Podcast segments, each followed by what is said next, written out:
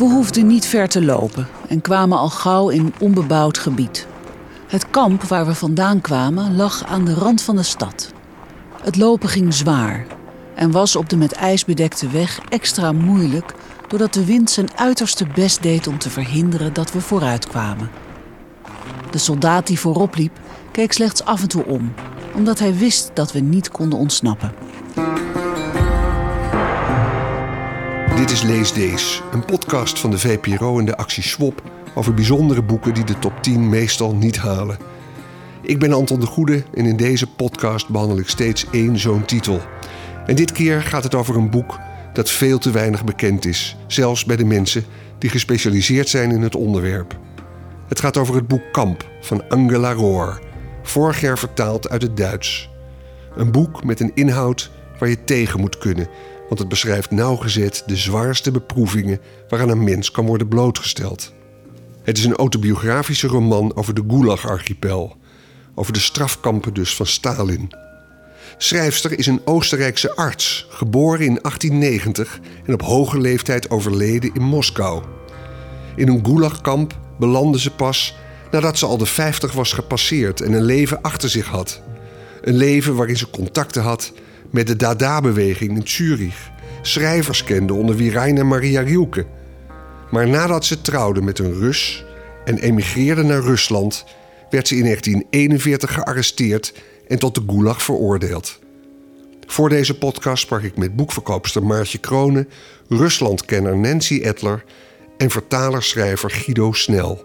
En Snel legt om te beginnen uit dat Angela Rohr niet officieel een arts was.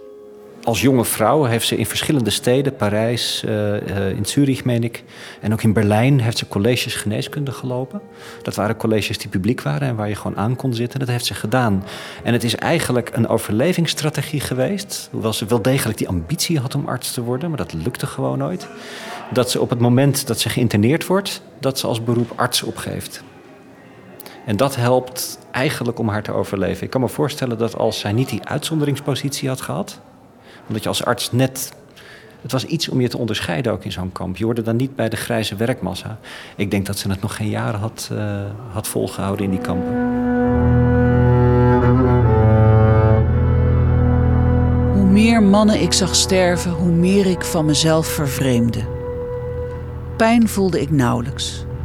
Ik kon alleen niet meer rechtop staan. Wat overigens ook niet nodig was, omdat de mannen die ik moest helpen op de grond lagen. Het zou makkelijk kunnen, dat dacht ik in elk geval, dat ik de volgende ochtend de schuld zou krijgen van hun dood. Ook al kon ik er niets aan doen. Er gebeurde niets van dat al. Men vond het waarschijnlijk een heel normaal, nachtelijk verschijnsel. En toen de laatste dode naar buiten werd gebracht, kwam een van de dragers nog eens terug, keek op de vloer rond en vroeg: Was dat het? Ik gaf geen antwoord. Het leek een vrijbrief om zoveel doden af te leveren als ik wilde. Er kwamen meer van zulke nachten. Min of meer verzadigd van een sterven dat eruit zag als een vlucht. Wat hier de zekerste manier was om je aan dit leven te onttrekken.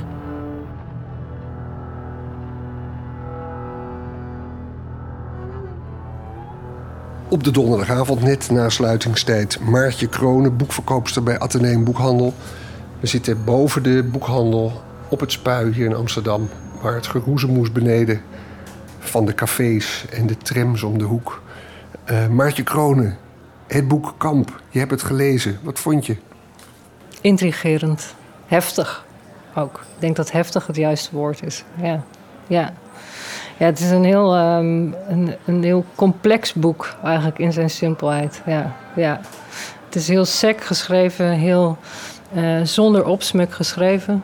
Uh, maar het raakt je eigenlijk in elke belevenis die Roor uh, je voorlegt. Je zei dat je je afvroeg of het wel een roman was. Je had daar zo je aarzelingen bij. Vertel. Ja, ja het is toch duidelijk echt een, een ooggetuigenverslag. Het is haar, haar leven in het kamp. Al die jaren die ze daar heeft, heeft doorgebracht. In verschillende kampen ook. Um, het is heel duidelijk een autobiografische uh, beschrijving. Um, dan kan je inderdaad twijfelen of het wel echt een roman genoemd kan worden. Ik ben er ook helemaal niet over uit nog of het inderdaad een roman is. Ehm, maar ze maakt toch ook wel heel duidelijk uh, gebruik van haar kunde als schrijfster. Niet iedereen kan dit op deze manier verwoorden, denk ik. Um, het is soms uh, sprookjesachtig zelfs.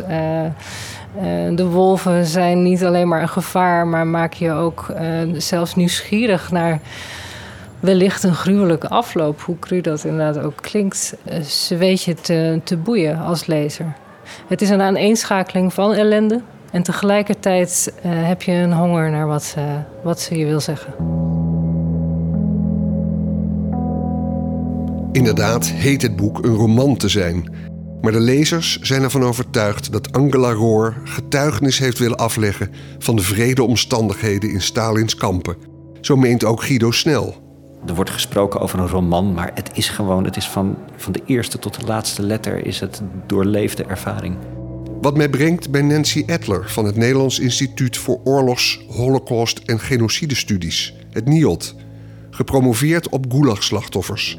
Op haar werkkamer, aan het prachtige gebouw in de Amsterdamse Herengracht, vraag ik haar of er überhaupt veel van dit soort verslagen bestaan. Er is heel veel literatuur. Maar niet per se heel veel dat vertaald is. Uh, er zijn in de laat 80 jaren en de 90 jaren uh, honderden, zo niet duizenden memoires verzameld door uh, voornamelijk twee organisaties, twee Russische organisaties. De ene is de bekende Memorial, die hebben ook wel een wetenschappelijk onderzoekscentrum. En een deel van de dossiers uh, houden gewoon memoires in. mensen stuurden op wat ze hadden. En er zijn zeker eh, een paar honderd memoires bij het Internationaal Instituut voor Sociaal Geschiedenis in Amsterdam te bestuderen in het Russisch. De andere grote organisatie, die heette Wasvrashenie, de terugkeer. En die was eigenlijk een memoiruitgever. Het was een, eh, een uitkampgevangene, Simeon Wielensky, vorig jaar overleden. En die heeft het zijn levensmandaat eh, gemaakt om memoires te verzamelen en, uh, en uit te geven. Dus er zijn heel veel verhalen in het Russisch. En dan zijn er natuurlijk in, in het Engels en, en, en andere talen. De, de meest bekende zijn uh, Solzhenitsyn, Shalamov, uh. Maar er was ook een aantal jaren geleden vrouwenmemoires van het kamp. En, en, en zo is er wel genoeg te lezen in toegankelijke talen, zodat men een goed beeld kan krijgen van het leven in de Gulag. Hoe onbekend het boek van Angela Roor is, blijkt uit het feit dat zelfs een kenner als Nancy Edler het nu in het Nederlands vertaalde boek Kamp nog niet heeft gelezen. Aan Guido Snel, docent Europese letterkunde, pleitbezorger van het boek, nog de vraag naar verdere achtergronden van Roor. Er staat een voortreffelijk nawoord bij het boek dat veel informatie geeft. En dat zo'n beetje uit alle voetnoten bij mensen die veel bekender waren dan zij... een soort van biografie bijeen hebben geschraapt. En nou, er is natuurlijk één naam die daaruit springt, dat is Rielke. Zij is een absolute passant geweest in het leven van Rielke. Zoals zij in het leven van heel veel mensen een passant is geweest. Het is eigenlijk een klein wonder dat die tekst hier nu ligt. Uh, zowel als je kijkt naar haar levensloop, die van werkelijk eigenlijk het talent om, om telkens op de verkeerde plek aanwezig te zijn in de 20e eeuwse geschiedenis. Um, verliefd te worden op mannen die dat ongetwijfeld verdienden, maar die haar bijvoorbeeld tot twee keer toen een Russisch paspoort hebben bezorgd, omdat ze zelf de Russische nationaliteit hadden. Als je na 1917 in de Sovjet-Unie terecht kwam en natuurlijk tot in de jaren 30 en dan helemaal met, uh, als iemand met een Duitse identiteit, was vraag om ellende in een kamp belanden eigenlijk alleen omdat je achtergrond Duits is. In het boek gaat het als gezegd uitsluitend over de verschrikkingen uit die kamptijd. Maartje Kronen is het niet overkill eigenlijk dat je na verloop van tijd denkt: allemachtig, nog 200 bladzijden van dit? Ja, ik, ik dacht op een gegeven moment.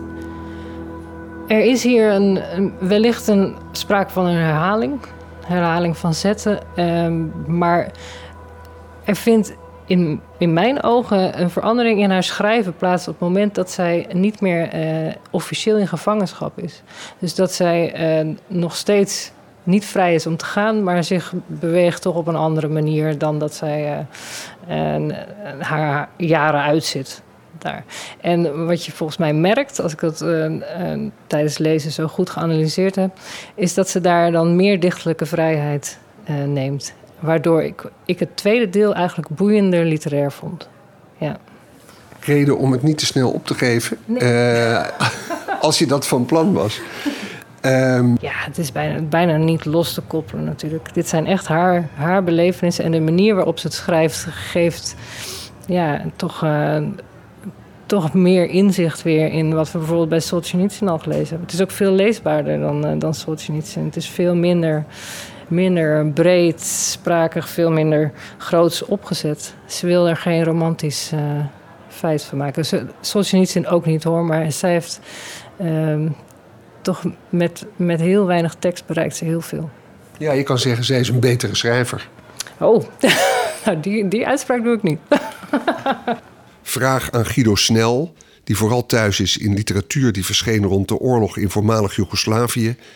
Wat kenmerkt het leed door Angela Roor beschreven in die gulagkampen? Je kunt heel lang nadenken over de verschillen tussen al die grote misdaden in de geschiedenis. En een heel belangrijk onderscheid bij de Gulag, bij de Stalin, de misdaden van het Stalinisme, is dat dat weliswaar een georganiseerd systeem van kampen was, maar dat het anders dan de nazi-genocide geen georganiseerde vernietiging is geweest. En dan gaat het niet over het praten in, of het nadenken in verschil tussen vreedheid of slechtheid, maar het gaat puur om welke vorm van vernietiging brengt welke vorm van kwaad in de mens naar boven. En ik denk dat je literatuur nodig hebt om dat, om dat goed te kunnen beschrijven. In het geval van de Bosnische eh, genocide, of de genocide in Srebrenica, is dat het gegeven dat in een eigenlijk een provinciale omgeving, waar mensen samen zijn opgegroeid, je van de een op de andere dag geconfronteerd wordt met buurjongens en hun vaders die jou naar het leven staan. In een toch vrij systematische uh, moordpartij die daar volgt. En dan gaat het om eigenlijk om de vertrouwdheid met je beulen. Um, nou ja, laten we het niet over, over natiekamp hebben. Maar wat dan fascinerend is aan wat Angela Roor beschrijft, is dat daar een, een vorm van overleven bestaat. En waar je in eerste instantie nog denkt: mensen zijn bereid tegen elke prijs te overleven.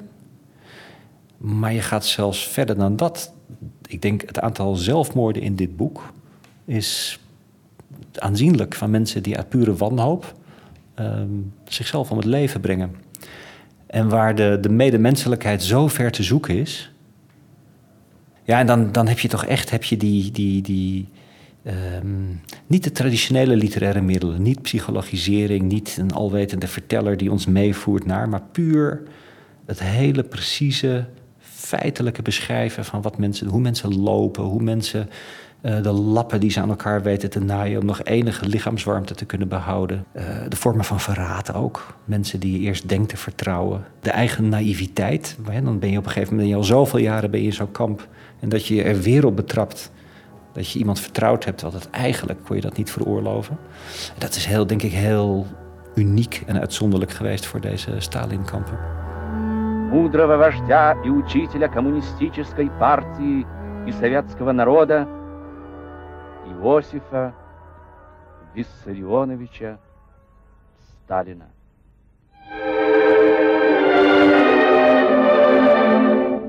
Op een gegeven moment, en Stalin sterft, en dat wordt duidelijk gemaakt natuurlijk door de radio, die via allerlei megafone luidsprekers in dat dorpje waar ze als eh, huisarts werkt.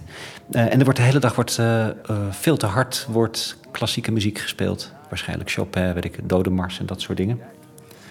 En dan is daar een schitterende beschrijving van mensen die nooit direct met Stalin te maken hebben gehad, maar die eigenlijk in de greep van de angst naar de bakker lopen, maar in een vertraagd tempo alsof ze in een begrafenisstoet lopen. Dat is een schitterend beeld van hoe die angst werkelijk iedereen in zijn greep hield. Terwijl onderweg naar de bakker ging je niets gebeuren op die dag. Maar mensen waren, ik denk, echt werkelijk verstijfd van angst geweest. Zijn sterfdag was voor de dorpsbewoners een dag van rouw. Op straat zag ik huilende vrouwen die net als ik voor eeuwig waren verbannen omdat ze Duitsers waren. Wie het begrijpt mag het zeggen. Schoolkinderen betrokken dag en nacht een erewacht bij omvloerste portretten van Stalin. Nog nooit heb ik de radio zo hard aan horen staan. Er werd aan één stuk door buitenlandse treurmuziek uitgezonden Vermoedelijk omdat ze geen binnenlandse hadden, zodat de mensen met afgemeten pas over straat gingen, alsof ze achter de kist aanliepen, ook al waren ze alleen op weg om een brood te kopen.